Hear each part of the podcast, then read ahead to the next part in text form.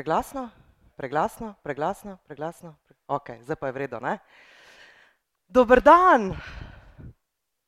Marsikje sem že nastopala, pa marsikje sem že govorila, ampak vi ste pa moja publika, ne? Tok znanih obrazov, kasneje bom rekla hvala, ker ste prišli, ok? Zdaj pa zresetiram to, kar ste do zdaj videli, pa štartam drugače.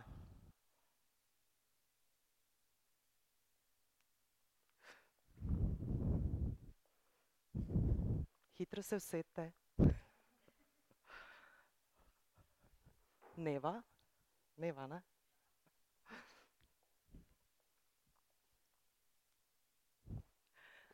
Vam je nerodno, ko to delam? Meni je tudi. Hotela sem začeti z najbolj pomembno zadevo, v okviru tega ne bom rekla predavanja, rekla bom govora. Vsi mi, ki danes tu sedimo, na srečo imamo čelni reženj. A veste, kaj se skriva za tem čelnim režnjem? Zdaj bi lahko rekli možgani, ne? Ja, načeloma pri večini ljudi ja. Obstajajo tudi izjeme, ampak pri večini pa ja. Če gremo pa malo bolj v podrobnosti. Za čelnim režnjem se skrivajo zrcalni nevroni. In zrcalni nevroni so nekaj čudovitega. Zrcalni nevroni delajo to, da ko jaz pogledam vas, pa se vam iskreno pa prijazno nasmejim, vi pogledate mene in se prijazno nasmejite. Veste, to gre na podzavedni ravni. Človek ne razmišlja kaj dosti o tem. Zrcalni nevroni povzročajo tudi to, da ko jaz nekaj zauzeto razlagam, pa poleg kimam, začnete kimati tudi vi. Ko se namrščim, se namrščite tudi vi. Ko sem jaz žalostna, pa govorim o tem, kaj se mi je hudega zgodilo, se načeloma zresnite, pa me žalostnimi, zaskrbljenimi očmi gledate tudi vi. Zrcalni nevroni delajo to, da ko gledamo film Titanik, poleg jočemo. Ko se utaplja Leonardo DiCaprio, se nam zdi, da se utaplja naša ljubezen. Čeprav nam je vsem jasno, da je DiCaprio čist vredo, da je bil masno plačan za ta film, da se ni utopil tam v tistem mrzlem oceanu, ampak da je šel domov in da je čist kul. Cool. Zrcalni nevroni delajo to, da ko vam nekdo razlaga vic, tudi če vic ni smešen. Se vi na koncu vseeno malo nasmejite, zato da ne bi bilo tistemu drugemu človeku nerodno. Vse to delajo zrcalni nevroni. Kaj sem naredila jaz? Jaz sem prišla sem, pred vas, pa sem se vam prijazno in iskreno nasmejala. Vas prijazno pogledala. Nisem čakala, da to naredite vi. Začela sem pri sebi. In glavno vodilo teh 90 minut naj bo, da razmišljate o sebi, da se ne ozirate na to, kdaj se boste nasmejali, kdaj se boste namrščili, kdaj boste gledali zaskrbljeno, pa kdaj boste kaj rekli ali pa vprašali. Ne čakajte na soseda. Zdaj pa, ko smo pri tem, kdaj boste vi danes kaj rekli ali pa vprašali. Veste, dve zadevi se vse čas ponavljata, ne glede na to, kam grem predavati. Prva je ta, da ko jaz ponavadi pridem par minut prej, pa sedim v neki predavalnici, pa opazujem ljudi, vedno se vsi posedajo kje? Zadaj. Zakaj? Tudi danes je bilo tako, ne? Začeli ste tam zadaj, vi reveži ste prišli prepozno, tako da pač morate sedeti spredaj. Zakaj se posedamo zadaj? Ker smo zaskrbljeni, ne? vse tako dobro, pa tudi tiste, ki govori, ne poznamo, kaj pa če bo koga kaj vprašala. Naj vas pomirim, tiste, ki ste v prvih vrstah, jaz nikoli nič ne sprašujem. Ok, tako da vi ste mirni. Kaj pa vsi ostali? Ker to, kar bomo danes govorili, je komunikacija in komunikacija je vedno najboljša takrat, ko je dvosmerna. Kaj če jim zdaj sama 90 minut govoriti, če pa govorim o komunikaciji? Ker veste, dokler vi pridete sem, pa se fajn, udobno usedete na vaše stolčke, pa malo prekrižate roke, pa prekrižate noge, pa se naslonite nazaj, pa me malo gledate s postrani nagnjeno glavo iz počela, a se je zdaj splačalo, ali bi bilo boljše sedeti doma pred TV-em pa sendvič jest, ne? Tako dolgo, dokler ste vi sproščeni, je v redu. Ampak zdaj pa jaz tu hodim. Pa ravno sem rekla, da mogoče pa koga kaj vprašala, pa to ne bojo tisti v prvih vrstah. Kaj se vas zdaj zgodi? A imamo tu koga, ki strašno rad govori? Dobro, ti vem. Denis, ti vem, da ja. Načeloma niti ne, ne, načeloma smo bolj sproščeni, če že vnaprej vemo, da ne bo treba nič povedati.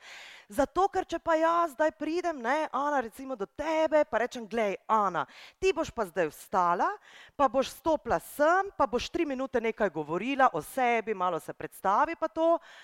Zdaj, eno je to, kar čuti Ana, drugo je pa to, kar čutite vi vsi. Recimo vi, poleg ne bi zdaj, ali pa vi na tej strani najprej začeli razmišljati, čakaj, kam bo zdaj baba šla. Ne? Zdaj rekla, ne, bo zdaj zavila levo ali bo zavila desno. In takrat se v nas začnejo prebujati neka čustva. Zakaj pa ne govorimo radi v javnosti? Zakaj ne? Zakaj ne govorimo radi v javnosti? Zakaj za nobene ostane pa reče, jaz bom svojo zgodbo povedal? Ja, česa nas je strah? Jo, seveda, tega, kar, kaj bodo mislili drugi. Kaj bodo pa rekli drugi? A sem jaz fajn ali nisem, ali me bodo imeli vsi radi, ali bom vsem simpatična, ali se bom vsem prikupila, ali se bo kdo mislil, gleda, kaj je. Tale se je pa mal postarala od takrat, ko je bila na zadnje na džambo plakatih, pa kako kilo zraven je dobila, ne? Sploh ženske, me opazimo vse. Kdo pa je ta, ki danes govori? Danes sem se peljala z Ljubljane proti Mariboru, proti Kibli, pa sem razmišljala, koliko naj se predstavljam. Nekako se mi je zdelo, da boste danes tudi tisti, ki me na tak ali drug način že poznate. Zato sem se odločila, da se ne bom preveč predstavljala, ampak vam bom povedala samo bistvo. Kdo sem jaz?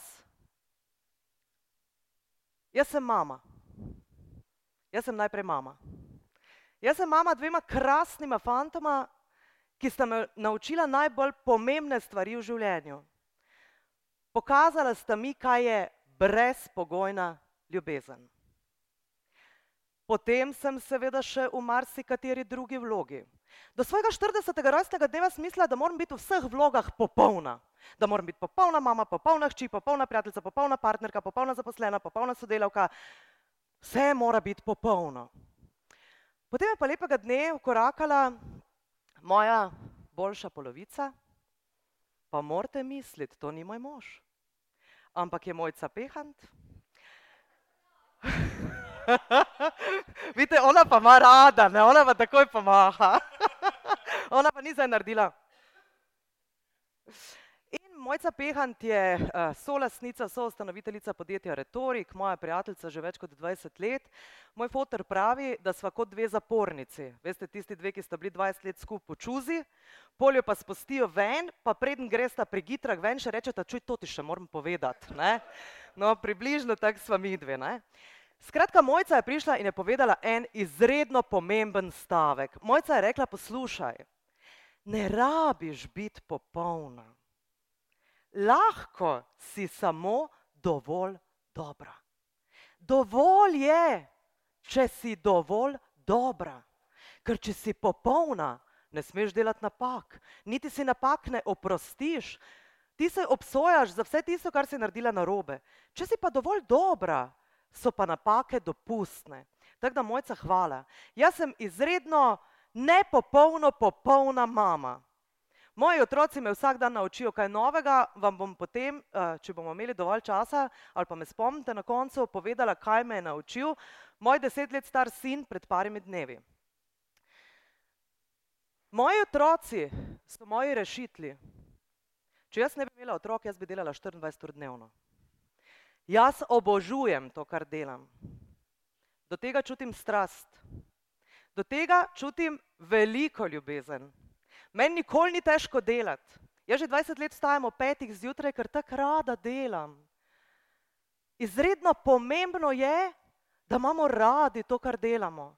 8 ur dnevno, 40 ur tedensko, minimalno 160 ur v mesecu. Koliko uh, delovne dobe, kdo ve? Koliko imamo delovne dobe približno? 40 let? Tu nekje, ne? leto gor ali dol.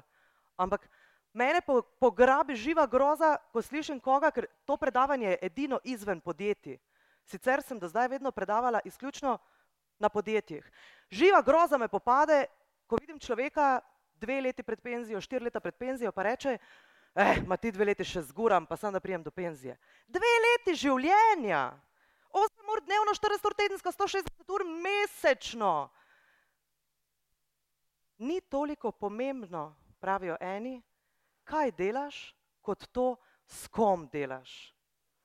Verjamem, da zaradi tega strašno rada hodim v službo, še ena uh, zelo pomembna članica z naše pisarne je danes tu, uh, ona pa ima tremo, tako da jo bom potisnila v to, da mal pomaha, no, vesna pomahaj. Zelo na kratko, to sem jaz in jaz se vam iskreno zahvaljujem, ker ste mi danes namenili 90 minut svojega časa. Tudi 90 minut je ogromno. Upam, da boste šli domov z vsem drugim, samo s tem, kar ste pričakovali. Ne? Vsakeč, ko pridem med ljudi, jih tole vprašam, a ste vi kaj prijazni? Kaj bi vi rekli za sebe? Ste vi kaj prijazni? A ste vi prijazni ljudje? Veste, ker meni se v zadnjem času zdi, ko sem tok med ljudmi, da so eni ponosni na to, da niso prijazni. Ne, sploh ženske znamo zelo tako povedati. Zadnjič je rekla ena gospa na enem podjetju, veste, jaz vsakemu direkt povem, pa iskreno, kaj si mislim. Pa sem jaz rekla, gospa, pa ni treba. Nobene potrebe ni, da bi ti znotraj enega delovnega okolja tako strašno direkt pa iskreno govoril, kaj si misliš.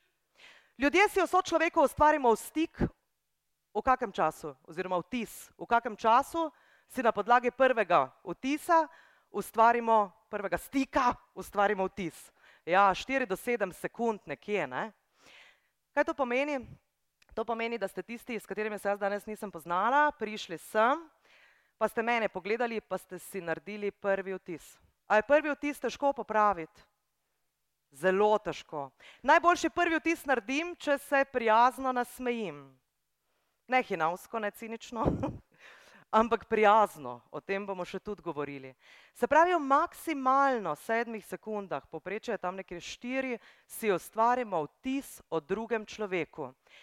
In to, kar opažam, predvsem pri nas ženskah, je to, da smo v tem obdobju, v katerem živimo, dosti krat ponosni na to, da delujemo, oprostite izrazu, zajebano. Ne, da jaz delujem kot, gledaj, ti zdaj malo sem prišla, sem jaz ti povedala, kaj o tem mislim. Ne? Skratka, mi bi dan danes, kar, kar se komunikacije tiče, vsakemu povedali vse, kar si mislimo, mi smo eksperti na vseh področjih. Maš ljudi, ne glede na to, o čem se boš z njim začel pogovarjati, on bo o tem nekaj vedel. Jedrska fizika, zelena jabolka, sploh ni važno, kakšna je tema, vsak bi vsakemu dajal na svete. Tudi zato v komunikaciji ni nobene potrebe. Ti daš na svet, če te nekdo prosi za njega. Sploh se pa izogibaš tistim vzorcem, ki smo jih vsi dobili že v otroštvu, pa zato naši starši niso nič krivi. To zdaj moram reči, ker sta mama moja pa ata tam. Ne? Tistim vzorcem, ki smo jih vsi dobili v otroštvu, ne? in mi, in naši starši, in njihovi starši, in tako naprej, ko nekaj nekdo naredi na robe, vidiš, sem ti rekla, ne? jaz sem to že prej vedela. Mi se moramo učiti na lastnih napakah. 90% prepričanj, ki jih imamo v svoji glavi, smo podedovali od naše družine. Kaj so prepričanja? Jaz tako tak nič ne zmorem, jaz ne znam javno nastopati, jaz ne morem pred ljudmi govoriti, iz mene nikoli ne bo nič, jaz nimam talenta za jezike, matematika mi ni nikoli ležala, jaz sem med bolj nerodnimi, jaz ne znam pet, jaz boljše, da sem tiho, nikoli se ne smem pohvaliti, ker če sem pohvalila, potem bodo ljudje rekli, da sem važna, vedno moram biti skromna, pa fejst moram delati, ne? ker življenje je trpljenje. Ni vsak dan nedelja, pa ne moreš vsako nedeljo jaz potice. Treba se sprijazniti s tem, da je treba malo trpeti. Dosti krat pozabljamo, da je svet, v katerem živijo naši otroci, otroci naše generacije, popolnoma drugačen, kot je bil svet, v katerem smo živeli mi kot otroci, kaj šele naši starši kot otroci. Veste, ko začnemo v komunikaciji s tistimi, ja, gledaj, ko sem jaz bila mala, smo pa to tako pa tako delali. Ma tega več ni. Tega več ni. To je mimo. Tisti svet, je šel pa pa. Dan živimo v drugem svetu in bistveno se je spremenil zaradi česa. Telefonov, tablic, računalnikov, televizije in tako dalje. Ker veste, bili so časi, ne, tisti, ki ste malo mlajši, bili so časi, ko ni bilo interneta. Še več, bili so časi, ko ni bilo televizije. Še več, bili so časi, ko tudi radija ni bilo. Ker morate misliti, včasih so ljudje sedeli okrog radija in ga poslušali. Ko pa ni bilo radija, so pa sedeli okrog ognja, pa so se pogovarjali. Kako se pa znamo mi danes pogovarjati? Tudi če pridemo domov, načeloma zasedemo vsak svoj fotelj ne? in je to to. Apropo temu vam bom povedala eno zgodbo. Jaz, ko sem bila v drugem razredu osnovne šole, sem imela eno uh, spominsko knjigo. Vsi smo imeli takrat spominske knjige. Ne? Danes vas je kar nekaj takih tukaj, ste mi risali v tisto spominsko knjigo. Zato pa vedeli, o kom govorim. Ne? In skratka, jaz sem uh, občudovala svojo razredničarko, res je bila tako lepa, tu je imela modro namazano, pa tu je imela roza usta, tako kot se je takrat nosilo. Imela je perfektno frizuro in vedno je bila tako fajn zrihtana in skozi je bila tako umirjena. Ona je čist umirjeno, lepo, pravilno govorila. In meni se je zdelo, da to je pa to, da več pa ni. In jaz sem dala njej spominsko knjigo. In zdaj, ko si dal ti kot otrok spominsko knjigo, si valjda žovčno čakal, da jo dobiš nazaj. Ne? Ti si jo takoj hotel nazaj. In jaz sem čakala, čakala, čakala in ženska je prenesla tisto spominsko knjigo po 14 dneh nazaj in jaz sem takoj začela listati. In največja katastrofa v drugem razredu osnovne šole, ko sem imela spominsko knjigo, je bila, da ti nekdo nekaj ni narisal, ampak samo napisal. Ne? Razočaranje prvoklasno. In bolj jaz berem, kaj meni je ona napisala in tam je z vzorno pisavo pisalo polonca. Življenje ni praznik življenje je delovni dan. Učiteljica tep. A? Jaz takrat tega nisem razumela in presrečna sem, da še danes ne razumem. Ker jaz bi jo zelo rada srečala, da ji povem, da življenje je praznik, tudi če je delovni dan. In ko bomo danes govorili o mojem konceptu prijaznosti, bomo najprej govorili o tem, kako mora biti človek prijazen sam s sabo, da je lahko posledično prijazen z drugimi. A veste, prijaznost ne pomeni, da nekomu lezeš v rit. Prijaznost ne pomeni, da se vsem na silo smejiš. Prijaznost ne pomeni, da rečeš ja, takrat, ko v glavi kričiš ne. Prijaznost pomeni, da si najprej prijazen sam s sabo, da si lahko kasneje prijazen do drugih. Jaz verjamem, da ljudje nismo najbolj prijazni sami sabo, tako da smo tudi z drugimi bolj težko. Jaz verjamem, da se ljudje ne pogovarjamo na najbolj prijazen način sami sabo v lastnih glavah, zato se tudi z drugimi težko pogovarjamo prijazno. Zakaj omenjam to našo glavo vse čas? Ker se seveda vse začne v njej. To je najbolj pomembna komunikacija v vašem življenju. Tista, ki jo sami sabo vodite v svojih glavah. To je najbolj pomembna komunikacija v našem življenju. Iz te komunikacije ven gre pa potem vse ostalo. Zadnji sem vprašala, uh, koliko je bilo, vedno pozabim, 600 ljudi, banka pošta. Uh, bili smo v enem hotelu in to je bila masa ljudi. Ne? Se pravi, predstavniki bank, uh, pošte po večini, ne? pardon, po večini pošte. No in jaz sem vprašala, a ste vi kaj prijazni? Zaveste, ko je to rulja ljudi, to imajo neko energijo. Ne? Uh, No, in oni so takoj so zakričali: Ja, zdaj si predstavljate tiste, ki so za okencem na pošti. Okay? In jaz rekel: Ok, koliko pa ste prijazni od nič do deset, če je nič ne prijazni, pa deset najbolj prijazni, pa so se zadrli dvanajst. Sami sebe dosti krat vidimo drugače, kot nas vidijo drugi. Ne? Sami do sebe še znamo biti milostni. Pa se rečemo, pa se, se nisem tako držala. Kaj pa je? sem zelo prijazna. Ne? Ampak včasih se mi zdi, da je prijaznost šla iz mode. Ti moraš drugim pokazati, da si malo nad njimi. Ti moraš pokazati, da s tabo ni zajebancije. Ti moraš pokazati, sploh če si v službi, recimo zadnje pol leta delam po večini z medicinskimi sestrami, babicami, tehniki, negovalkami, zdravniki. Tudi če si v službi, recimo, ti si tam doma. Imamo kakšno medicinsko sestro? Tudi, če se opola govorim dalje. Tudi, če si v službi, ne? Ne, sej, ne, to je pa res šala. Tudi, če si v službi, ti si tam doma, to je tvoj drugi dom. In tisti, ki pridajo tja, morajo biti na tak način sprejeti. Kaj bi jaz naredila, če mi vi potrkate na vrata? A bi jaz odprla vrata, pa bi rekla, ja, prosim. Kaj rabite? Zdravstveno mi dajte najprej. Pa vsete se malo navite, da je gužva. A bi jaz rekel, bežite z dvorišča, če prijete k meni domov? Ne, načeloma bi rekli, ja, zdravo, dobrodošli. Zdaj pa jaz ne mislim, da mora medicinska sestra reči zdravo, ne?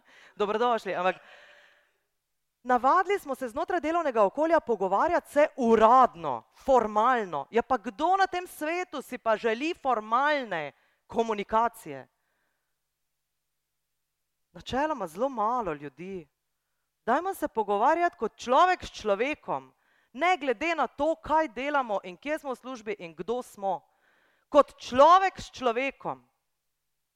To predavanje je nastalo, ker sem jaz lani med marcem in 24. junijem delala s 1600 ljudmi po celi Sloveniji, različne branže, različni kadri.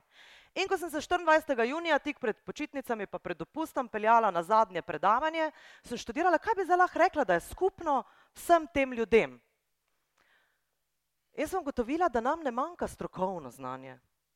Pa tudi, če nam manjka, strokovno znanje ti lahko dobiš. To, kar nam manjka, so osnove. Osnove v človečnosti, osnove primarno v prijaznosti. In od take vrste prijaznosti, tisti, ki jo čutimo do sebe in do drugih, o tem bi danes želela govoriti z vami. Včasih me kdo gleda, pa vidim, ne, da mu piše v očeh, ker veste, komunikacija je verbalna, to so besede, ki jih govorimo, pa neverbalna. To pomeni, da vsak od vas ta trenutek govori svojo zgodbo. Gre za to, kako sedite, kje se praskate, kako držite roko, kje imate roke prekrižene, če imate še noge prekrižene, če je vaša glava nagnjena po strani, če me gledate malo izpod čela. Vse to govori svojo zgodbo. In ko jaz ljudi sprašujem, a so prijazni, pa ko jih sprašujem, kaj pomeni, da si prijazen, pa ko jih nagovarjam k temu, da bi bili bolj prijazni, vidim, da me eni gledajo zelo skeptično, ne? ono idealistka. Naivka. Kaj prijazno? Se ne moreš biti prijazen. Kaj pa, če drugi ne bojo prijazni do tebe? Pa ti ne veš, da te lahko vsak nategne. Ne? Zdaj pa, če tako pogledaš, koliko ljudi vas pa je v življenju, mislim, da je zelo narobe, se zdaj tak stavek sliši, ne? Ampak veste, kaj mislim. Koliko krat so vas pa zašili ljudje v življenju? Koliko krat se vam je pa to zgodilo med vsemi odnosi, ki ste jih imeli? Seveda, to se lahko vedno zgodi, vedno je možnost za to. Ampak, če si ti do sočloveka odprt, če pozabiš ta small talk, veste, kaj je small talk? Da srečaš nekoga, pa je ja, zdravo, ne? zdravo, kak si, pa dobiš odgovor, v redu, res, no fajn, da si v redu, ja, gužva, se veš, gužva, gužva, vse je gužva, danes je posod gužva, ne? kogarkoli vprašaš, kak si, ja, gužva, gužva, stara gužva, ker če si v gužvi, to pomeni, da si uspešen. Ne? To pri nas ne pomeni, slabo si se zorganiziral, v gužvi si, to, pom, to pri nas pomeni, da si uspešen. In tudi Delodajalci gledajo tako na to. Osmurni delovnik je bil vpeljan v času industrijske revolucije. Veste vi, kdaj je to? Daleč nazaj.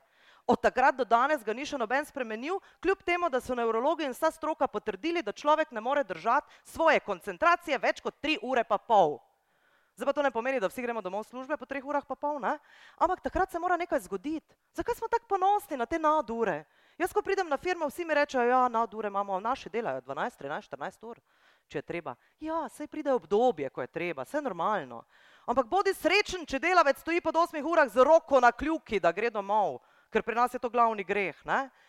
Bodi srečen, da imaš še popoldan kaj od življenja, da bo naslednji dan raje prišel v službo. Uh, najpogosteje zastavljeno vprašanje, kaj pa naj naredim, če drugi niso prijazni do mene? Kaj naredimo? Začnemo tuliti nazaj, sedreti. Lete, vsi smo ljudje, kdaj nam spusti. Okay? To je dejstvo. Ne? Nismo vedno idealni, pride do tega, da znoriš.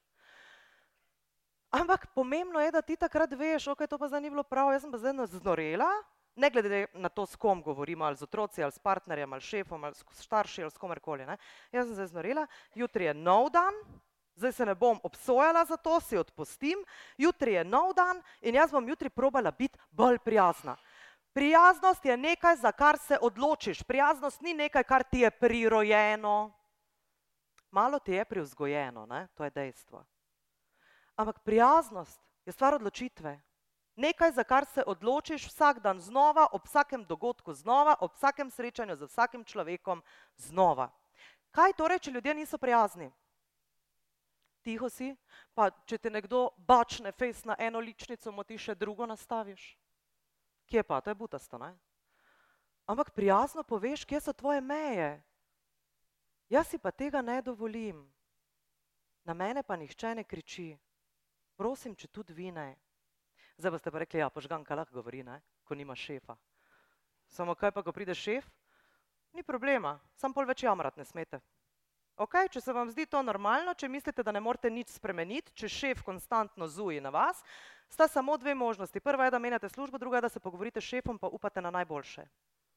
Če pa ne, če za vas nista sprejemljivi, ne možnost ena, pa ne možnost dve, potem si pa moraš reči, tole sprejmem, ti veš, zaradi česa. Mogoče je plača tako visoka, da ti to odtehta, mogoče imaš toliko dopusta, da ti to odtehta, ne vem.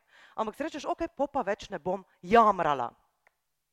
Zakaj govorimo o jamranju? Ker je v Sloveniji to dejansko nacionalni šport, še posebej od recesije dalje. Koliko let je zdaj od recesije? Kdaj se je končala recesija? Ti veš, veš, da veš.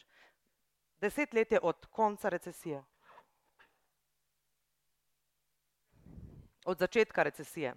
Od začetka recesije. Meni se zdi, da 80% ljudi še vedno misli, da smo v recesiji. In se temu primerno tudi obnašajo. Vse je težko, druge službe ni. A veste, koliko ljudi srečam v podjetjih, ko rečejo, jaz trpim. Jaz trpim, pa rečem, ok, pa poiščete drugo službo. Ja, kaj češ drugo službo, iskati so pa so tisti. Veste, to je podobno kot s partnerjem, ne? Moj je res beden, pa že dolgo ga nimam rada, samo kaj čem drugega iskati, tako so vsi isti, ne? In zdaj, če se odločiš, da ni druge in boljše službe za tebe, potem pač nehaš jamrati. Zadnji sem srečala tako zanimivega gospoda na eni slovenski občini. Eh, imeli smo eno izobraževanje in gospod je sedel v prvi vrsti. To je bilo pred volitvami, ker takrat vsi župani delajo za svoje občane brezplačna predavanja. Ne? Gospod je sedel v prvi vrsti z baretko na glavi, imeli smo tri ure predavanja in on je sedel in je cel čas, ampak presežem uro pa pol do pauze, pa v prvi vrsti so taki ponavadi, razen danes, ne?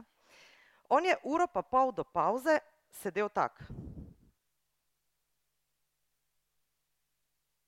In meni se je na koncu zdelo, da še sam njega gledam in da še sam njemu govorim in pa smisla, ok, zdaj bo pauza, ker med pauzo je bil pa zajtrk pa kava, smisla, gospod je verjetno prišel na zajtrk pa na zaston kava, ne? Ampak on pride po 15 minutah pauze nazaj. In jaz spet začnem, ampak pa so ga že pa vsi drugi, tudi njega se rukali, ne, pa kazali, kaj je z gospodom. Tako daleč, da sem jaz mogla pred koncem predavanja reči, ok, gospod, kaj je narobe? In on je takrat prvič mene pogledal, tako se držal, pa je rekel, vse, vse je narobe. Pa se je pa razgovoril, ne, pa je pa povedal, je rekel, zdaj spet bomo izvolili tega enega in istega župana, jaz sem lastnik kmečkega turizma, tukaj se vozijo turisti, turisti ne morejo do moje gostilne, zaradi tega, ker je gostilna razdrapana, ker, ne gostilna razdrapana, ker so ceste razdrapane in ne morejo se tja pripeljati in to ruka in to se ni nič naredilo v štirih letih. Župan je zraven sedel. In jaz sem pa rekel, ok, to pa razumem. Jaz pa to razumem, da je gospod slabe volje v isti sobi z županom, ki štiri leta ni popravil cest, normalno, ne, da znoriš. In potem sem rekel, v redu, gospod, kaj bomo naredili? In on je rekel, nič. Kaj bomo pa naredili? Zakaj mi se obstaja par opcij, kaj lahko naredimo? Prvič, lahko zdaj, ko je župan tukaj z nami v tej sobi, začnemo pritiskati na župana, pardon, jo, kukaj sem že za nogo primla. lahko začnemo pritiskati na župana, ne? revež je bil čist bled, že na koncu, ne, župan. Uh, Sreka lahko recimo mi naredimo cestno zaporo. občanke pa občani, pa noben več ne mogo voziti po tej cesti, dokler je župan ne popravi, lahko naredimo transparente, pa rečemo od zdaj naprej, gremo vsako jutro stat, štrajkat pred občino, hočemo ceste. Lahko četrta opcija je, um, te granitne kocke v končni fazi v Mariboru so neko spremembo naredile. Ne? Skratka, obstaja več možnosti, kako se tega lotiti. Ampak mislite, da je Gospod izbral kakšno možnost? Ne, ker je najlažje jamrati, pa nič narediti. In to dosti krat srečujem tudi po podjetjih, pri posameznikih. Navajeni smo jamrati, navajeni smo tečnariti, sebi pa drugim, ne vprašamo pa se, kaj lahko naredimo, če sploh kaj. Ker veste, jamramo vedno zaradi dveh zadev. Prvič, zaradi tistih stvari, ki jih ne moremo spremeniti in nam je kristalno jasno, da jih ne moremo spremeniti. Lejte, zdaj je bil dež, smo jamrali, ker je dež, danes je bilo vroče, mater, zdaj smo jamrali, kak je vroče, to pa ni normalno, naenkrat je postalo tako vroče in meni je vroče. Ne? In zdaj jamramo, koliko hočemo, vremena ne moremo spremeniti, se strinjamo? Ja, kaj ćemo poljamrati? Če pa vemo, da ne gre, da to je tako, kot je, dajmo to proč. To so negativne misli. 60 tisoč misli gre dnevno čez našo glavo, več kot 90% jih je negativnih. To je ena med njimi. In drugič, jamramo zaradi tistih stvari, ki bi jih lahko spremenili, pa iz kakršnega koli razloga nič ne naredimo, da bi jih spremenili. Ne? Zdaj tam se pa spet moramo vprašati, dati na vago, ali se meni splača zdaj za to tule boriti, če se mi, pol moram nekaj narediti, če pa druga stran tehnice prevaga, pa rečeš, glej, ni idealno, ampak vse največ plusov kot minusov, pa pač nič ne narediš. Ne? V vsakem primeru torej nehaš jamrati, ker to popolnoma nič ne koristi. Kak naj bom prijazna, če imam slab dan? Ker veste, nima vsak, vsak dan dobrega dneva. In kaj, če jaz stanem na levo nogo, sem pravico vstati na levo nogo, pa imeti slab dan.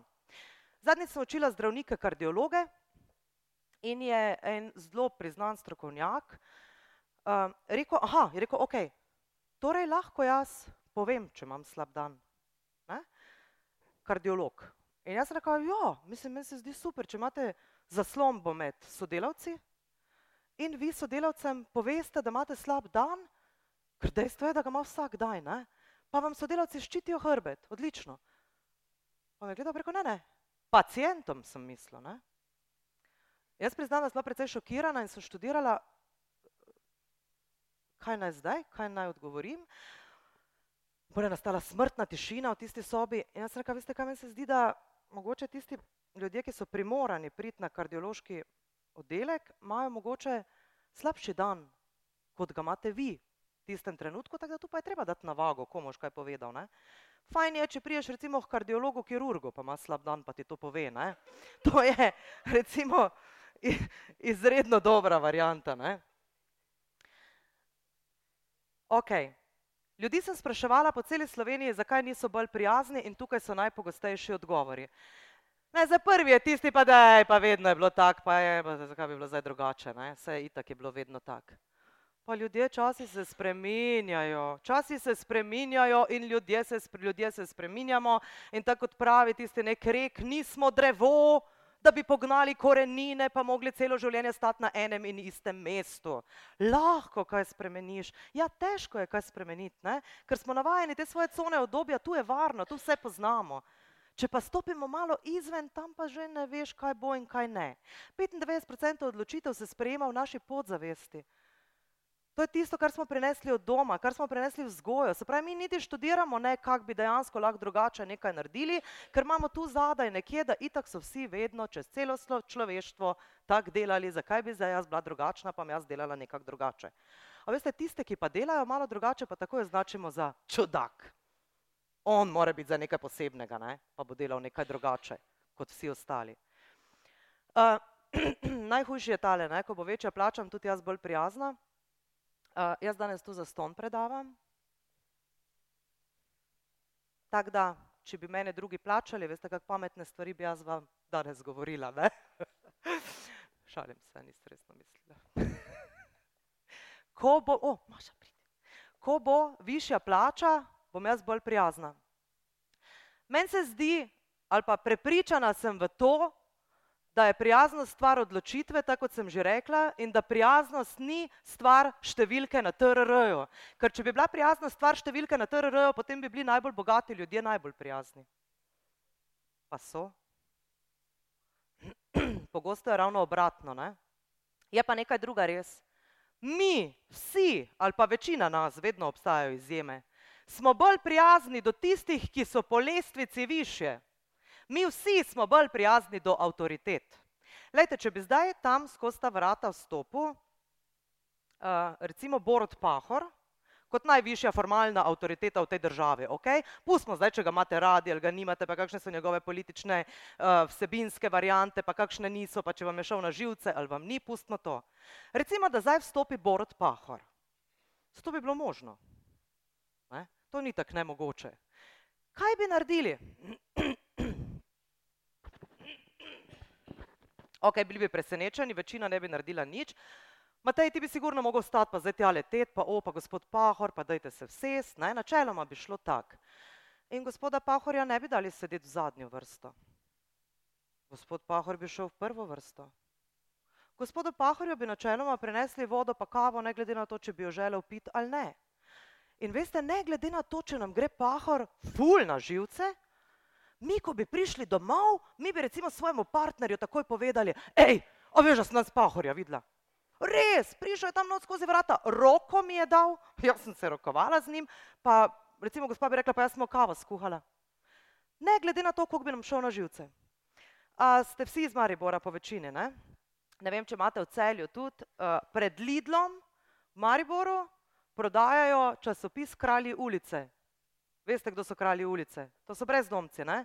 Časopis prodajajo po strogih pravilih. Nikomor ne smejo časopisa usiljevati ja? in do vsakega morajo biti prijazni. Časopis mu lahko ponudijo z enim stavkom, ampak to je to.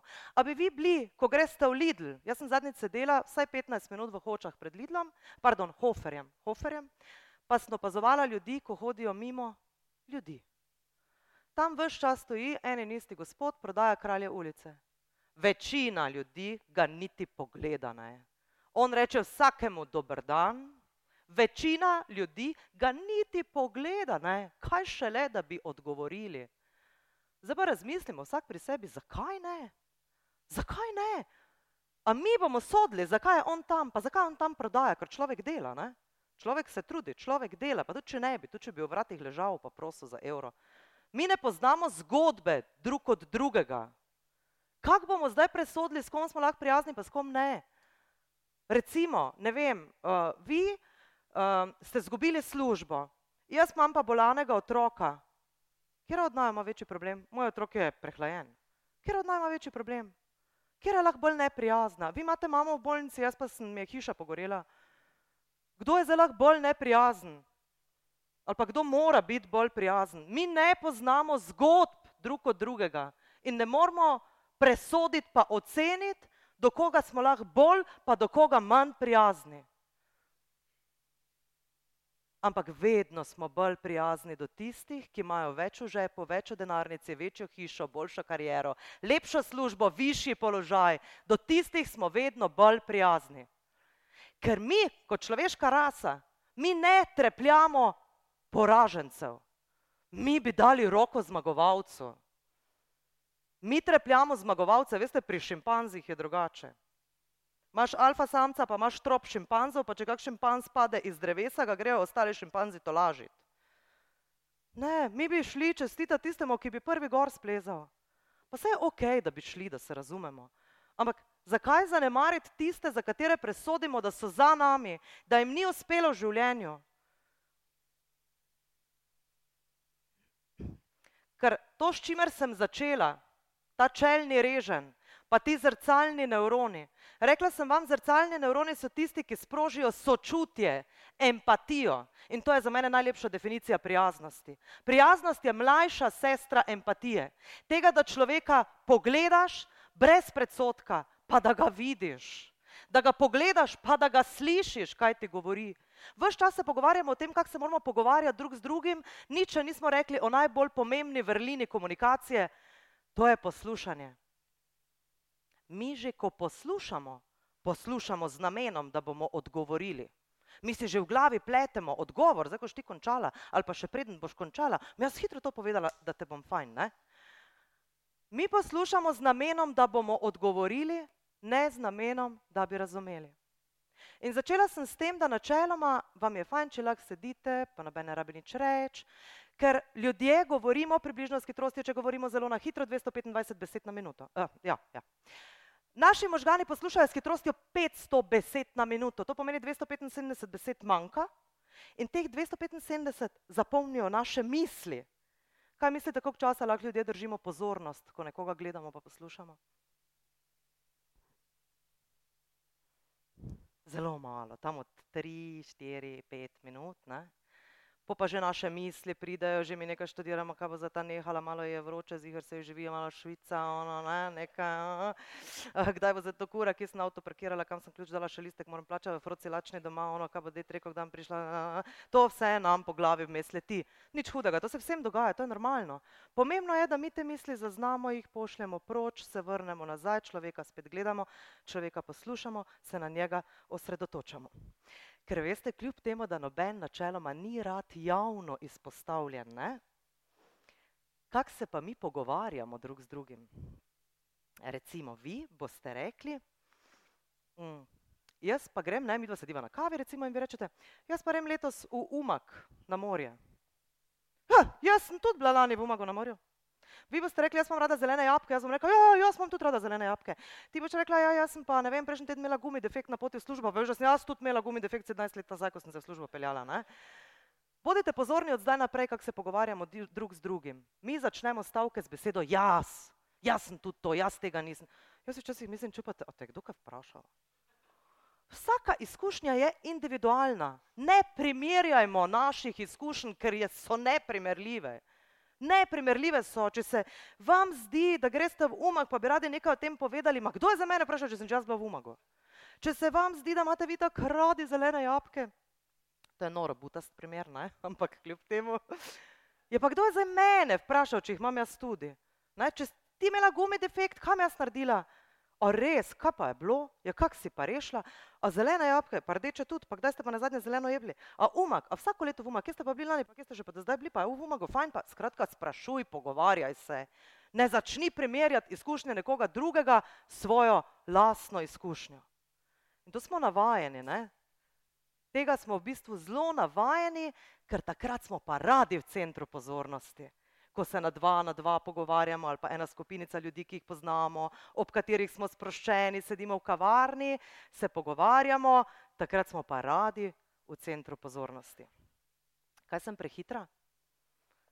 Ker je 90 minut ful malo in jaz bi vam rada vse povedala. Koliko še vam imamo? Aha, ok. Dobro, ostali razlogi, zakaj ljudje v Sloveniji niso, nismo bolj prijazni, um, so pa taki, rekla, klasični. Ne?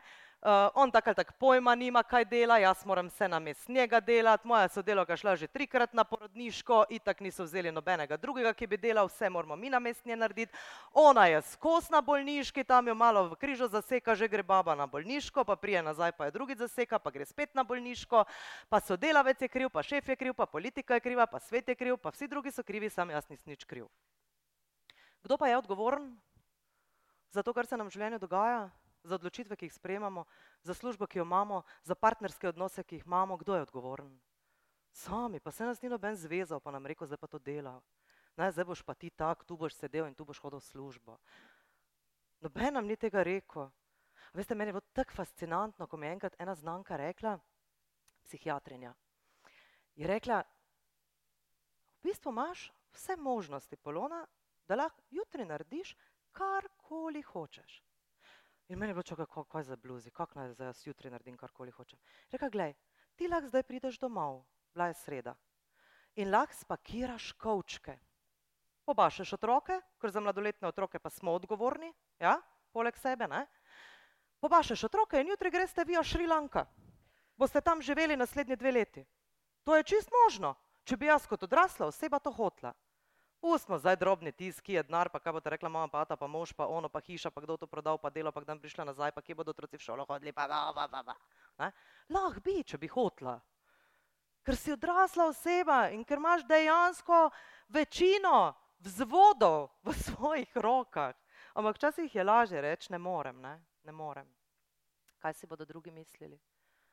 Kaj bodo pa drugi rekli, če to naredim? Moji družini ni še noben tega naredil, noben še ni šel na Šrilanko, kako ne zazrem na Šrilanko. ok. A veste, ko včasih rečemo, poznam te jaz kot lastno dlan. 98% ljudi, ko so delali raziskavo, ni prepoznalo svoje lastne dlani in ni se jim niti sanjalo, kje je njihova dlan, pa kje je dlan od koga drugega. Enako ne prepoznamo sami sebe v stresnih situacijah, kak obraz držimo, kakšna je naša obrazna mimika. Ja, kaj zdaj pomeni, če sem jaz v stresu, če mi je panika, kako se držim, ali se tako držim vedno, zaradi tega, ker pač se je boljše tako držati, ne? ker če se tako držiš, le me boš bolj resno jemal. Vse življenje je resno, vse smo rekli prej. Moraš se resno držati, da pokažeš, da si resna odrasla in odgovorna oseba in da veš, da je življenje borba. Ne? Slovenci imamo sploh uh, čudovite pregovore, tudi kar se tega tiče. Ne, ne smej se danes, ker boš jokal jutri. ja, imamo takih ogromno, v bistvu, ki bi jih lahko zdaj na plano potegnili. Ne? Ampak kako se držite, ko ste v stresu? Veste, jaz sem se zadnjič peljala iz Tezna proti uh, Marjeti na Dravskem polju, tam, ko imamo pisarno. In ko sem tam na Teznem zabremzala, mi je torbica iz sosednega zica padla na tla. Ne? In jaz na vsak način hodila z tiste torbice, medtem ko sem vozila ven, potegniti plastenko z vodo, ker me je tako fajn ven gledala. Ne? In jaz sem, mi rečemo, malo zašajtrala. Veste, kaj je to? Tako malo, malo, malo, malo, ljudje malo. Nič se ni zgodilo, malo neodločna sem bila, am zdaj jaz levo ali desno. In ko jaz dvignem glavo, pa pogledam v vzratno ogledalo, že vidim gospoda zadaj v Volvotu karavano, bronaste barve in on meni meče luči. Uh, on ni imel sicer nič skupnega s tem, da sem jaz tako mal naredila, ne? ampak hotel mi je lekcijo dati. Ne? In jaz dvignem roko, češ mes, da se opravičim. Ne? In ni bilo dovolj. Ni bilo dovolj. On meni krili zadaj, signalizira. Ne? To je neverbalna komunikacija, je štimala v nulo. In ok, jaz ignoriram, gledajte, potem pa kot za nalašč, prvi semafor, on na levi špuri, jaz na desni. In jaz sem najprej, ko sem ugotovila, da je takle zraven, ne, smisla, da ti ponovno sam naprej ravno glej, pa se delaj, da ga ne vidiš. Ne. Ampak pol ni šlo, ker gospod je bil zgovoren. Ne, in ko sem ga jaz pogledala, je on meni kazal, kva je, ne, baba, glupa, no, to ni ovo. A veste, mene je prvo sekundo, mene je prvo sekundo tako želoco stisnilo, mene je tako primlo, da bi jaz tudi njemu pokazal, kaj se je nič naredila, kaj, ne. Potem sem tako uh, naslednjo sekundo se malo spomnila, kaj delam. Ne? In potem sem jaz čakala, da je on odsignaliziral do konca. Zdaj pa, ker je bil moški, moško-ženska komunikacija je zelo različna. Ne? Uh, Moraš vedeti, kaj lahko narediš, pa kaj ne. ne? Zdaj, če bi jaz se njemu face nasmejala, bi on mislil, da baba se norca dela. Tako da moraš tako malo, ne samo rahlo skloniš glavo, ne? pa malo dol. Ja? Pa se moraš pa čist malo nasmejati, ne preveč. Ne? Gospod me je pogledal, malo je ocenil, se zova norca dela v avtu ali resno misli, ne? Bolje pa naredil. Se še vedno je bilo to glupa si, ne, baba, kak voziš. Sam veste, jaz sem v istem momentu začutila, da je meni v želodcu popustilo, pa verjamem, da je tudi njemu. Ker veste, lahko bi pa jaz dalje, pa nazaj, pa kaj je, pa nisem jaz, pa ti si, pa ni noben kriv, ne, lahko bi jaz njemu nazaj. Pa bi v bistvu mi dva šla meriti, kjer ima zdaj večji ego, ne, kjer bo tu zmagal. Pa bi se oba razburjena odpeljala. Ampak gledajte, čist po nepotrebnem. Čist po nepotrebnem. Mislim, nikomor na tem svetu se ne rabimo dokazovati. Na tak način ne. To je čist po nepotrebnem. Čeprav ženske, ne, ko sem prej omenila različna ženska moška komunikacija, ženske smo bile dejansko vzgojene na tak način v vseh generacijah. Ne samo naša generacija, vseh generacijah nazaj. Spomnite se na svojo babico, recimo. A je vaša babica kdaj sedla za mizo, pa tam sedela dve uri, pa s kom kramljala. Redko, ne? Naši stari starši, recimo, so nam ljubezen izkazovali s hrano. Kaj si lačna, si kaj jedla? To je bilo prvo vprašanje. Kaj boš jedla? Ni važno, če si ti rekel slivovec moke ob devetih zvečer, to se je takrat delalo, ne? če si si zaželel kot otrok. In recimo punce v komunikaciji smo bile zelo vzgojene, bodi pridna, ne jezikaj, tiho bodi, kdo te je kaj vprašal, punčke niso jezne, kje se pa spodobi, da bo zdaj ena punčka kričala pa z nogami cepetala, ne? Punčke se lepo obnašajo.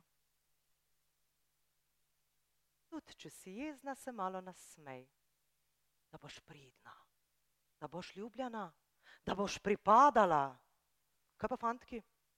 Fantki so pa lahko jezni, ne? Lahko kak je jezen. Nič narobe. Fantki ne smejo jokati. Kaj rečemo, kaj se smeriš, kot neka baba? Ne? Fantke ne sme biti strah, ob dveh po noči v temi, v klet, v sedet. Ne? In potem ti v bistvu ugotoviš sledeče. Da je komunikacija najbolj spregledana veščina 21. stoletja, dragi moji. Naše otroke, tisti, ki imate otroke, veste, naše otroke v šolah učijo sve iz svašta. Učbenik za družbo od mojega sina desetletnega je tak, kot da Jugoslavija še ni razpadla. Mi smo še vedno tam, ne? Nič se ni vmes zgodilo. Hkrati pa ne učimo otrok komunicirati. Zakaj je tako pomembna komunikacija? Ker vam nekaj povem, da ko bomo zadnji dan našega življenja ležali tam v eni posli, pa čakali na konec, pa če bomo še lahko razmišljali, ne, jaz sem prepričana, da noben od nas ne bo rekel, mater, kako je fajn, da sem še tisto Excelovo tabelo do konca naredil, ne, pa tisto delo dalje predal službi, zdaj vse štima, zdaj pa ne lahko, ne. Mi bomo razmišljali o odnosih, ki smo jih imeli. In odnose vedno pletemo s komunikacijo. Ne gre drugače kako potem svojih otrok ne naučimo komunicirati? Kako jih v šoli ne učijo o komunikaciji, kako jih ne učijo o izražanju čustev? Veste, ko se srečujem spet zdaj recimo z medicinskimi sestrami, ker sem pač z njimi največ bila v tem obdobju, Največji problem je, da ko pacijent kliče po telefonu, da se naroči k specialistu in ko mu sestra, nič hudega, misleč, eh, nič kriva pravzaprav, pove, da je čakalna doba, ne vem, tri mesece, šest mesecev, dvanajst mesecev, dve leti, se ta pacijent na telefonu razjezi. Ne? In ko pridajo pacijenti na pregled, se jezijo, kaj tako dolgo treba čakati.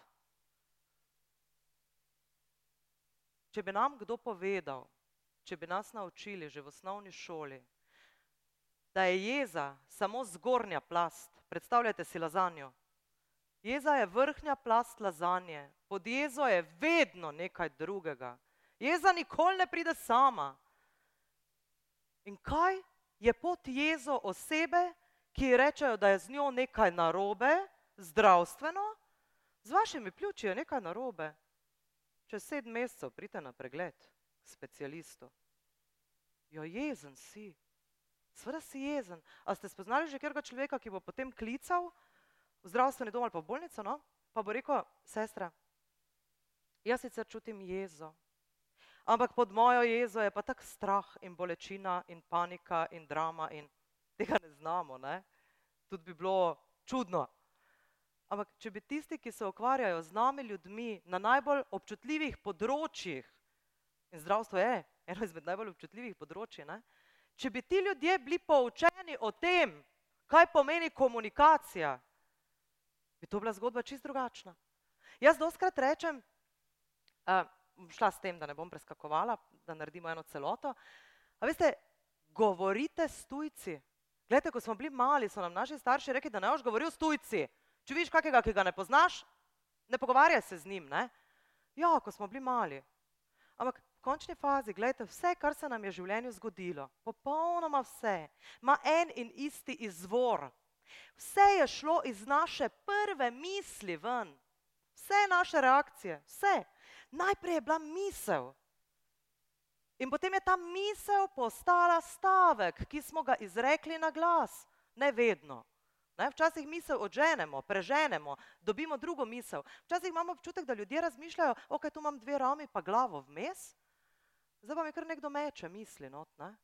Kje pa? Mi izbiramo misli, ki jih imamo v glavi.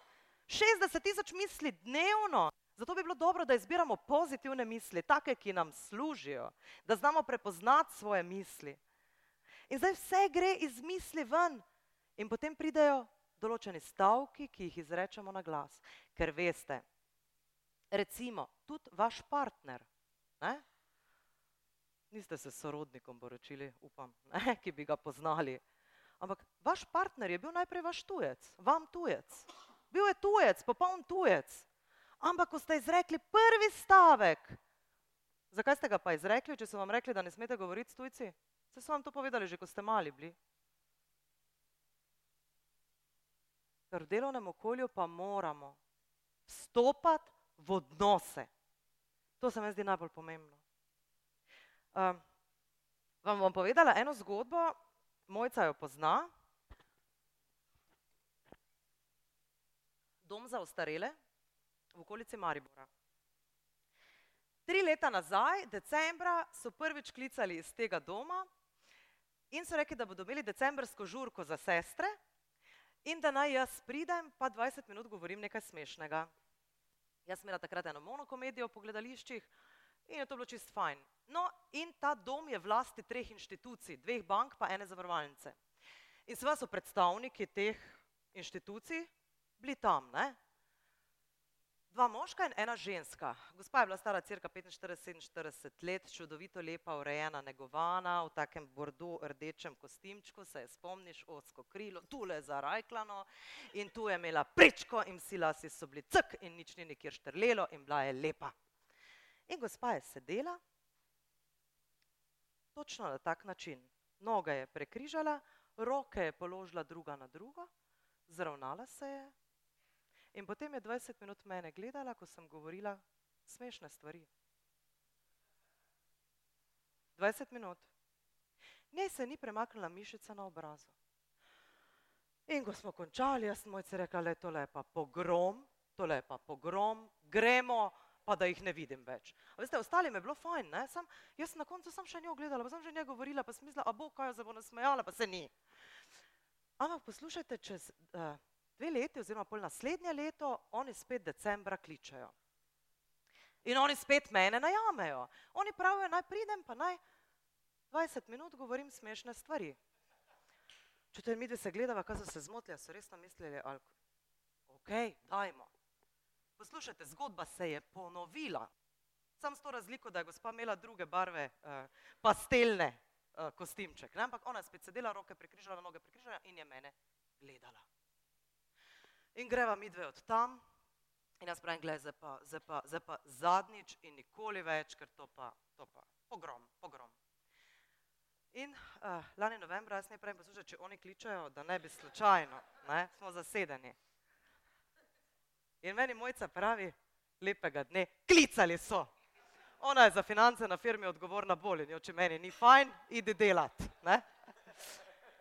Identična situacija identična. Sam zdaj sem jaz že bila malo pripravljena, zato ker sem jaz preštudirala, zakaj se gospa tako drži. Ampak tretje leto je sedela na tak način. In jaz sem ugotovila, da je to zaradi tega, ker gospa ne mara vstopati v odnos. Kaj to pomeni? Lejte, vsak od nas ima en kos življenjske energije. Je tako? Vsak človek ima neko življenjsko energijo. In zdaj eni ljudje imajo tak življenjske energije, drugi tak, tretji tak, četrti tak, šesti tak, sedmi tak, osmi tak, deseti imajo tak življenjske energije, da ne vidiš, če še dihajo ali jih sam še zakopali niso. Ne? In gospa je šparala to svojo življenjsko energijo. Ker gledajte, če bi ona vstopila z mano v odnos, a veste, to bi bilo, ne? to bi mogla nekaj od sebe dati, ona bi mogla priti do mene, pa bi ona mogla meni roko dati, ne, ker sedite, pa bi se mi dve dali roko in potem je on rekel, kak ste? In jaz bi rekel, fajn, pa kak ste vi, pa jaz sem v redu, pa fajn ste bili lani, pa zdaj smo vas spet najeli, pa dobro opravite, pa se se pol vidimo, pa ne, ona bi mogla z mano nekaj govoriti. Lažje je, če ne, kam zdaj za tebe, ko itak se niko pa ništa, jaz tule zgubljala svoje dragocene besede, pa svojo življenjsko energijo, pa se razdajala. Če pa presodim že vnaprej, da nisi vreden, Preglejte, jaz bi lahko prišla danes sem, pa bi rekla, dober večer. Ljudje imajo radi ljudi s takimi radijskimi glasovi. Ne? Moje ime je Polona Požgan, 22 let se že ukvarjam z mediji in s komunikacijo. In danes se bomo pogovarjali o verbalnem in neverbalnem delu komunikacije. Jaz vam bom povedala nekaj metod, s pomočjo katerih boste komunicirali še bolj učinkovito. Dejstvo je, da bom, ko vas takole pogledam, bolj kot ne govorila jaz. A veste, pa bi šlo manj moje življenjske energije, ker jaz sem se zdaj malo zmatrala, malo sem zašvicala. Ne? Če pa ti rečeš, ne, ne, jaz bom malo se držala ob strani, bom malo bolj fina, ne, bom samo tisto, kar je nujno potrebno, je pa to doskrat lažje. Ne vstopaš v odnos. Ni ti treba nekomu nekaj reči, ni se ti treba pogovarjati, ma kaj se zdaj meni treba tu pogovarjati z vami. Ne? Lažje je, dosti krat je neprimerno lažje, hkrati pa ne dobiš nazaj vseh lepih stvari. A veste, kak bi bilo drugače? Kak bi bilo drugače, če bi prvič večkrat v življenju, privat in poslovno, uporabljali, kar se mene tiče, najlepši stavek na svetu. Kak vam lahko pomagam? Privat in poslovno. Ja, privat in poslovno. Kak vam lahko pomagam? Veste, ker če ti nekomu rečeš, tudi otroku, kak ti lahko pomagam, bo že on povedal, kak. Boljše, kot da mu rečeš, sem ti rekla, sem ti rekla, kaj je treba, daj sem, da to naredim jaz na mesto tebe, itak ne znaš. Ne? Nisi sposoben si po fotru. Recimo, ne? Ampak kak ti lahko pomagam, tudi na delovnem mestu, sestra, v triaži. Če bi se obnašala s pacijentom tako, kot da je njen najljubši sorodnik, najprej smela tu napisano, kot da je tvoja mama, pa za vsi reki pa mama, mama, ne, bo smela, kot da je tvoj partner, ja pa partner, tu se ne obnašaš vedno fajn do njega, ne. No, po pač najljubša sestrična ali pa najljubši bratranec, to pa ima načeloma vsak od nas nekoga, ki ga najde, ne. Kak bi se obnašal carinik na Dragonji, če bi vi, ko se pripeljete tja, bili njegov najljubši sorodnik? Kaj se dogaja na mejah? Vi se pripeljete, zdaj mi, ko smo tu doma v tem koncu Slovenije, blizu meje z Avstrijo, pa smo celo življenje, ko smo bili mali, so starši naši, recimo, dosti krat kaj švercali, ne? pa smo mogli v avto, lepo mi zadaj na tistem po možnosti sedeti gor, pa prej smo se že zmenili tiho bodi, ne? A veste, mi še zdaj, ko pridemo na mejo, se moj mož zadere pa avto, tišina, zdaj na meji smo, ne? Pa, pa nič ne vozimo preko, ne? Ampak, a veste, to so avtoritete, ne? On na meji je avtoriteta, ali carinik ali policaj, ne? Moramo se mi lepo obnašati. Ne? In potem pridete in odprete okno, in tam načeloma zunaj stojita dva, ali pa not sedita dva, ne? kakorkoli po dva sta. In on načeloma ti rečeš, dober dan, ne? on se pogovarja z onim. Kaj, niste vi neki faktor, on vas gleda, ne? on vzame osebno, se pogovarja z onim in potem kvečemo vpraša kaj. Imate kaj za prijaviti? Ne? ne, nič, nimamo nič. Uh, kam greste? Umak, ne? Umak. In se pogovarja dalje z onim. Mi rečemo hvala, nasvidenje, ne? Potem si človek tako celo dahle, uh, dobro smo prošli, ne? Čeprav, veš, da dva otroka, pa kratke hlače, pa par majc v, v pretljažniku, ne? Ampak to je avtoriteta, spet smo mi bolj fini, za vsak slučaj smo bolj prijazni. On pa ni. Po večini niso, ker ne rabijo biti ker jim ni noben povedal, da so oni prvi stik z našo državo. Oni so ambasadorji naše države. Tujec pride na mejo, on ga sprejme. Kje so standardi? Veste, in pol bi rekli, ja, pa kaj, ste vi normalni, če pa je gužva. Vse, ko si šel za carinika, se ve, da je avgusta večja gužva kot pa konc februarja, ne? Pa tudi, jaz sem štopala, cirka 15 sekund traja v vsakem primeru če se pogovarjaš s kolegom, pa gledaš osebno vmes, ali pa jo popisuješ, pa če si še prijazen, zraven je isto, časovno. Če bi on rekel, a, dober dan, ker ko ti njemu daš osebno, on vidi tvoje ime gor. Dober dan, spa, kolona, kam pa greste? Ja, umak, umak, ne, no, fajn se imejte v umagu. Oh, kaj bi mi rekli? Pa kaj si ti nor? Kak so pa na dragonji prijazni? ker ljudje ne pričakujemo dosti, kar se prijaznosti tiče, kar se stopnje prijaznosti tiče. In ne bi več bilo važno, da je na dragonji sam eden prijazen. Mi bi rekli, kako so vsi na dragonji prijazni, to pa, kako so oni prijazni. Enako bo vso drugot. Povsod drugot enako. Pomislite, kdaj na to, ne? na kak način bi se obnašali do vašega najljubšega sorodnika. In to je zdaj tisto, kar sem rekla na začetku, proč s formalnimi govori. Pa kdo hoče formalne govore? Kako lažje bi bilo, če bi ti sestra rekla, ker ona pa vzame tvojo zdravstveno kartico, pa vidi tvoje ime, ti prideš tja paničen, duši me, ne morem govoriti. Lejte, gospa Polona, sete se, doktor je za sosednjimi vrati, vse pod kontrolo. Biblija. Zakaj pa ne naredimo tega? Zdaj, če ena sestra dobro povedala, dela na urgenci in je rekla, za mene je to rutina, po 25 letih delam je vse eno, kdo pride, tudi na otroke sem se že navadila, pod četrtim letom starosti še vzamemo, ker ga naprej, drugače pa naj počakajo. Ne razmišljamo, da delamo z ljudmi. In jaz vedno, ko pridem na kakšno firmo, kjer se ukvarjajo z ljudmi, najprej rečem, poslušajte, a imate vi radi ljudi?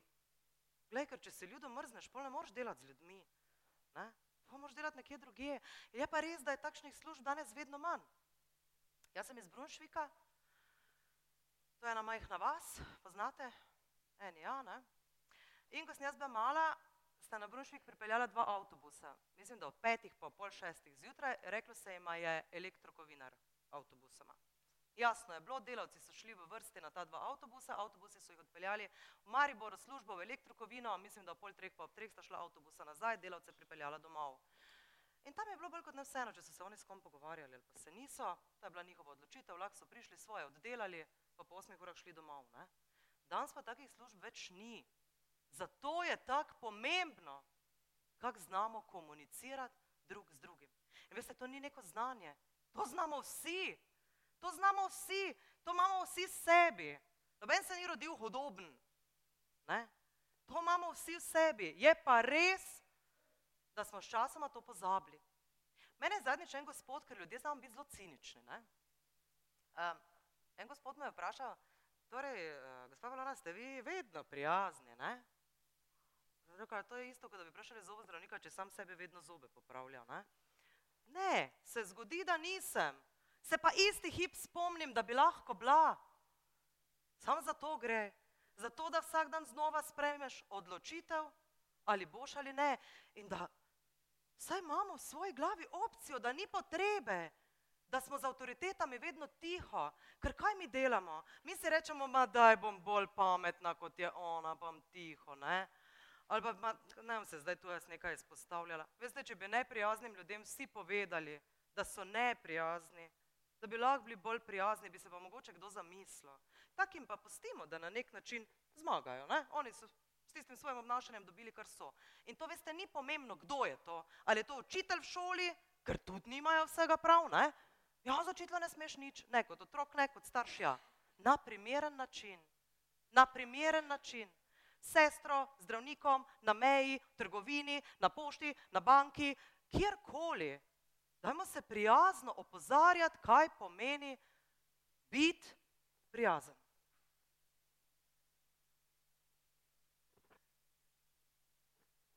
Izbira o tem, kako se boste počutili v določenem delu dneva, je vaša. In jaz bi vas zdaj vprašala, kako se počutite. In vsak dan znova bi se mogli vprašati, zjutraj, ko zazvoni budilka, ko odpremo oči, kako se počutim. A veste, če imate v glavi je bim ti, spet je ura šest. Spet, ne, to eno in isto bedno službo gledati, ene in iste bedne frise, ne. Pol ni vredo, ne. Fajn je, da zjutraj najprej pomisliš na tisto, za kar si lahko hvaležen. Sliši se tako banalno, ma da je ta hvaležnost, ne. Ampak če tebi zjutraj zazvoni budilka, pa si ti rečeš, to si jaz rečem, recimo, jaz sem pa tako hvaležna, da sem se zbudila, pa da sem živa, ker mar se kdo se ni preko te noči, ne? se že zaradi tega počutiš drugače. In pol grem jaz po stopnicah dol in stisnem tam gumbek na aparatu za kavo in tam traja enih 15 sekund, da se voda zagreje in jaz gledam skozi okno na nive in razmišljam o vseh stvarih, zaradi katerih sem v življenju lahko hvaležna. Če bi vam zdaj rekla, vzamite list papirja pa kuli, pa napišite 30 stvari, za katere ste lahko hvaležni, mogoče bi na začetku šlo malo bolj na rodo, ne? ampak tam pri sedmi, osmi, deveti bi se pa odprlo in bi brez problema prišli do številke 30. Zdaj se pa prosim obrnite drug drugemu. A vidite čelne režnje, kak delajo? Ha? Pa si povejte tri stvari, za katere ste v življenju hvaležni. Okay?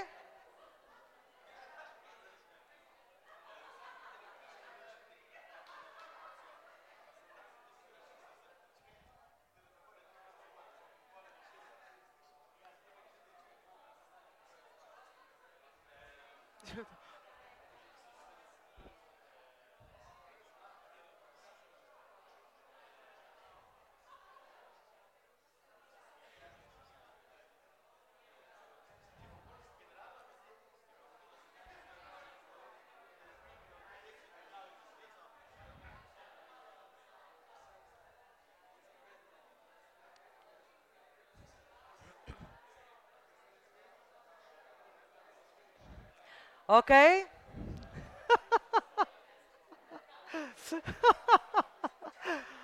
ok, ok. Kaj se je zdaj zgodilo? Kaj se je zdaj zgodilo? Vas tam zadem presedla. Glejte, če imamo lestvico čustev, ne? Lestvica čustev. Hvaležnost je na najvišjem mestu na lestvici čustev. In to ste zdaj doživeli.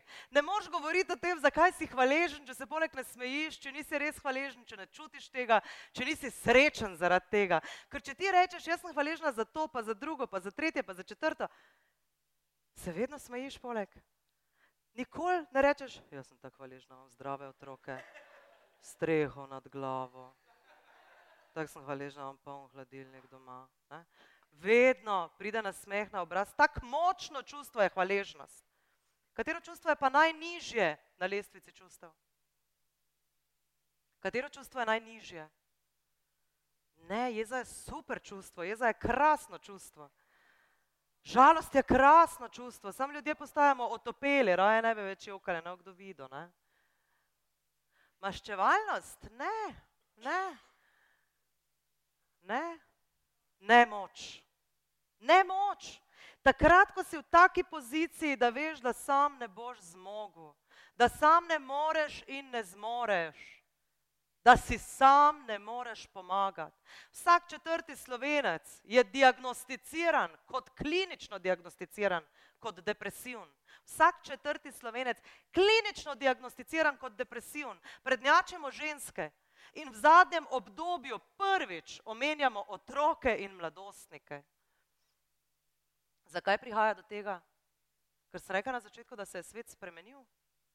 Zato, ker če ti cele dneve gledaš telefon, Če ti cele dneve gledaš telefon, če objavljaš na Facebooku, na Instagramu, na Snapchatu, na ne vem kje, in tam je vse fajn in vse je lepo, vsa hrana, ki jo poješ, je čudovita, vse počitnice, na katere greš, imajo eno palmo zadaj, pa krasen moder ocean, vsi odnosi, ki jih imaš, so fajn, skozi se ti nekaj dogaja, skozi si v centru pozornosti. Tisti, ki se ukvarjamo s komunikacijo, ugotavljamo, da naši otroci več nimajo razvite komunikacijske veščine, da bi rekli, rabim pomoč ker ti ne moreš reči, rabim pomoč, če je pa vse fajn, če je pa vse super. Kako se počutite, je zelo pomembno vprašanje, ker je od odgovora na to vprašanje odvisno, kako boste komunicirali.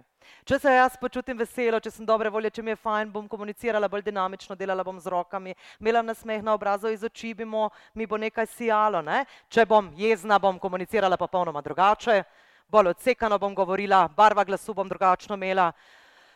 Če sem žalostna, bom spet imela drug glas, bom bolj počasi govorila, bom bolj umirjeno. Ne? Tako kot se počutiš, tako komuniciraš. In kako je to pomembno, in doma, in v službi. Jaz bi zaključila, uh, lahko gasnemo luč mogoče. Kaj mislite, koliko krat dnevno se nasmeji predšolski otrok? Cirka 400 krat dnevno se nasmeji predšolski otrok. Kaj pa odrasla oseba, evropejc? Cirka 14 krat dnevno. Zakaj se odrasli ljudje ne smejimo več? Dolga zgodba, ne? v katero niti ne moramo iti.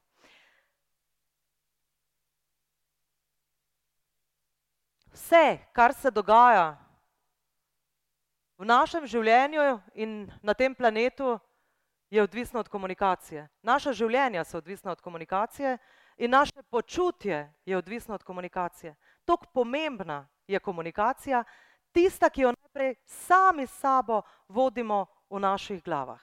Vse fotografije, ki jih boste videli, so ali plot uspele komunikacije ali pa plot zgrešene komunikacije. Tole so a, marinci v Afganistanu, ta fotografija je bila nagrajena s Pulicerjevo nagrado. Tyler Hicks je en vojni fotograf, ki je vse te ta boljše fotografije naredil in to je v bistvu edina skupina ljudi na svetu izven zdravstva, ki sama sebe oziroma drug drugega naziva z bratje in sestre. Zakaj se marince nazivajo brat pa sestra? Seveda, ker so njihova življenja odvisna od tistega na levi, od tistega na desni. A veste, ta zgodba ni čista taka, kot jo mi vidimo v ameriških filmih, tam jih pet leti po blatu, eden pade, ostali štirje letijo dalje, ne? pa onega postijo. Brat pa sestra se kličejo zato, ker vejo, da so njihova življenja v rokah tistega na levi ali tistega na desni. In dejansko, in to probam dopovedati tudi vsem skupinam po podjetjih, ki jih imam, mi smo lahko močni kot skupina, kot posamezniki smo nič. Kot skupina lahko pa gore premikamo. A veste, če bi jaz zdaj rekla, poslušajte zdaj, za bora pol devet zaključimo, zunaj čakajo avtobusi, mi smo lepo ukrcali na avtobus, gremo mi v kočevje. Ja? In tam boste vi šli ven z avtobusa, pa boste polovili medveda. Mimo na avtobusu počakali. Najbrž bi bil rezultat ena nič za medveda. Ne? Če pa jaz rečem, se bo ta spremer, ne? če pa rečem, gremo mi vsi skupaj. Pišo, kam mogoče nam pa celo rata, da ga polovimo. Kot skupina ja, kot posameznik nič kaj. Tole je pa plot odlične komunikacije. Jo prepoznate? Angleška kraljica ne? in njen Filip, 72 let sta poročena in tudi tole, tele fotografije oziroma tista uh, fotografija, na kateri sta starejša, je plot uspele komunikacije. Ona ga je pri 13 letih prvič videla in je rekla, no, ta bo pa moj. Taka je vse zgodba za javnost. Ne? Skratka, 72 let ljubezni in ljubezen, ki jo dajemo, pa prejemamo, je tudi nekaj, kar počnemo preko komunikacije, verbalne in neverbalne komunikacije. Sirski migranti po hudem na urju v Grčiji, na Lesbosu so pristali, ah, tri dni so potovali, ta fotka je bila tudi nagrajena, tule so prvič se dotaknili zemlje, In kaj vidite v očeh tega fanta? To je z leta 2015. Žalost, obup, ampak tudi upanje. Ker če si ti tri dni pa tri noči na enem malem čovnu, pa če stopiš na trda tla, upanje. To, da je bil ta fant tri dni pa tri noči na enem čovnu, je plot komunikacije. Prva misel, ki jo je nekdo dobil v glavo in to prvo misel izgovoril, In s tem se je to začelo. To je moj sin Karli Štorman, dve leti pa pol star, igra nogomet na lastnem igrišču doma. In Karli sam sebi pravi, Karli je lep. Vsi mi smo sebi pravili do tretjega leta naše starosti samo lepe stvari. Mi smo bili najbolj samozavestni ljudje na svetu. Nihče si ni rekel, jaz pa tega ne zmorem. Kje ste še vi pri triletniku ali pa štiriletniku slišali, da bi on rekel, jaz pa tega ne znam? Ne? To se pojavi kasneje, ko nam postane mnenje drugih ljudi neprimerno bolj pomembno kot naše lastno mnenje. Človek se malo vpraša, ne? po logiki tega. Naslednja fotografija, ki pa govori dosti o neverbalni komunikaciji, oče in sin sedita na svojem domu v Gazi leta 2012, tudi tole je posledica prve misli, ki je prišla nekomu v glavo in potem postala stavek. Uh, Woodstock leta 1969, 400 tisoč ljudi, najbrž bi jih bilo še več, ampak je bilo slabo vreme, pričakovali so jih okoli 20 tisoč, tako da že to je bilo strašno presenečenje. Še enkrat toliko ljudi je ostalo v cestnih zamaških radiusa 50 km okrog prizorišča in uh, glasbenike so na oder vozili s helikopterji, toliko je bilo ljudi.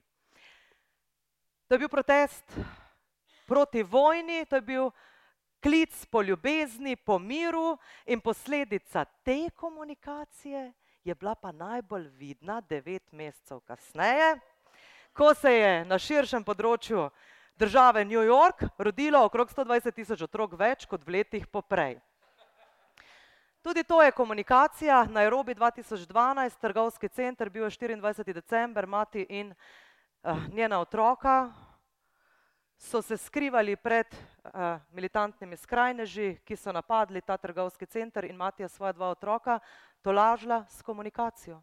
Čisto potiho jima je pela pesmi, ki so se takrat slišale iz zvočnikov, božične pesmi v tistem nakupovalnem centru. Tudi to je posledica zgrešene komunikacije. In če zaključim, vse to torej dela komunikacija. Ko boste danes prišli domov, Stavek, ki ga boste izrekli, bo imel na nekoga vpliv. Ko boste jutri zjutraj vstali, prva misel, ki bo v vaši glavi, bo imela vpliv na vas. Če boste to misel izrekli na glas, bo ta misel oziroma stavek imel vpliv na nekoga drugega. Po vsem tem, kar smo zdaj videli, človek kar ne more verjeti, da to smo pa mi vsi. Takšni se rodimo. Mogoče je barva kože malo drugačna, oči malo bolj okrogle, malo bolj poševne, ampak tam nekje 50 centi dolgi, 3 kile pa nekaj težki. Ne glede na to, ali smo rojeni v Nairobiju, ali v Južnem Sudanu, ali v Ameriki, ali na Hrvaškem, že to nam včasih ne gre v glavo, ne? že tu se nam zdi, da smo zelo različni, ali v Nemčiji, ali v Sloveniji, to smo mi. In res, ko tako razmišlja človek, mu ni jasno, kako lahko za ene take male kepe, pridajo tako usodne stvari povezane s komunikacijo, usodne v dobrem, pa v slabem smislu, ne? kot smo jih videli prej. Pazite torej na svoje misli, ker te misli hitro postanejo vaše besede in postanejo vaši stavki. In s temi mislimi, besedami pa stavki vplivate na sebe in vplivate na druge, in vplivate na svet, in posledično s svojimi mislimi, postavki pa besedami tudi spreminjate svet. Vsak od nas ima vsak trenutek v svojem življenju možnost, da se odloča po svoje, da izbira na eni strani med ljubeznijo, da tako rečem, in na drugi strani med strahom. Med ljubeznijo oziroma pogumom in med strahom. Strah vedno prihaja iz nekega pomankanja. In jaz vam želim, da bi čim večkrat v življenju, vsak dan znova, izbrali dovolj poguma, da bi delali stvari in govorili stvari z ljubeznijo. Hvala lepa.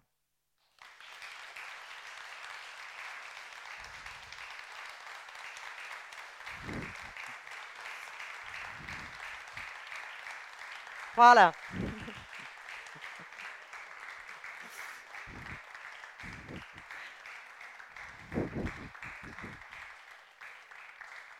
Pa edino, če bi še kdo od vas kaj povedal, končno. Hvala lepa.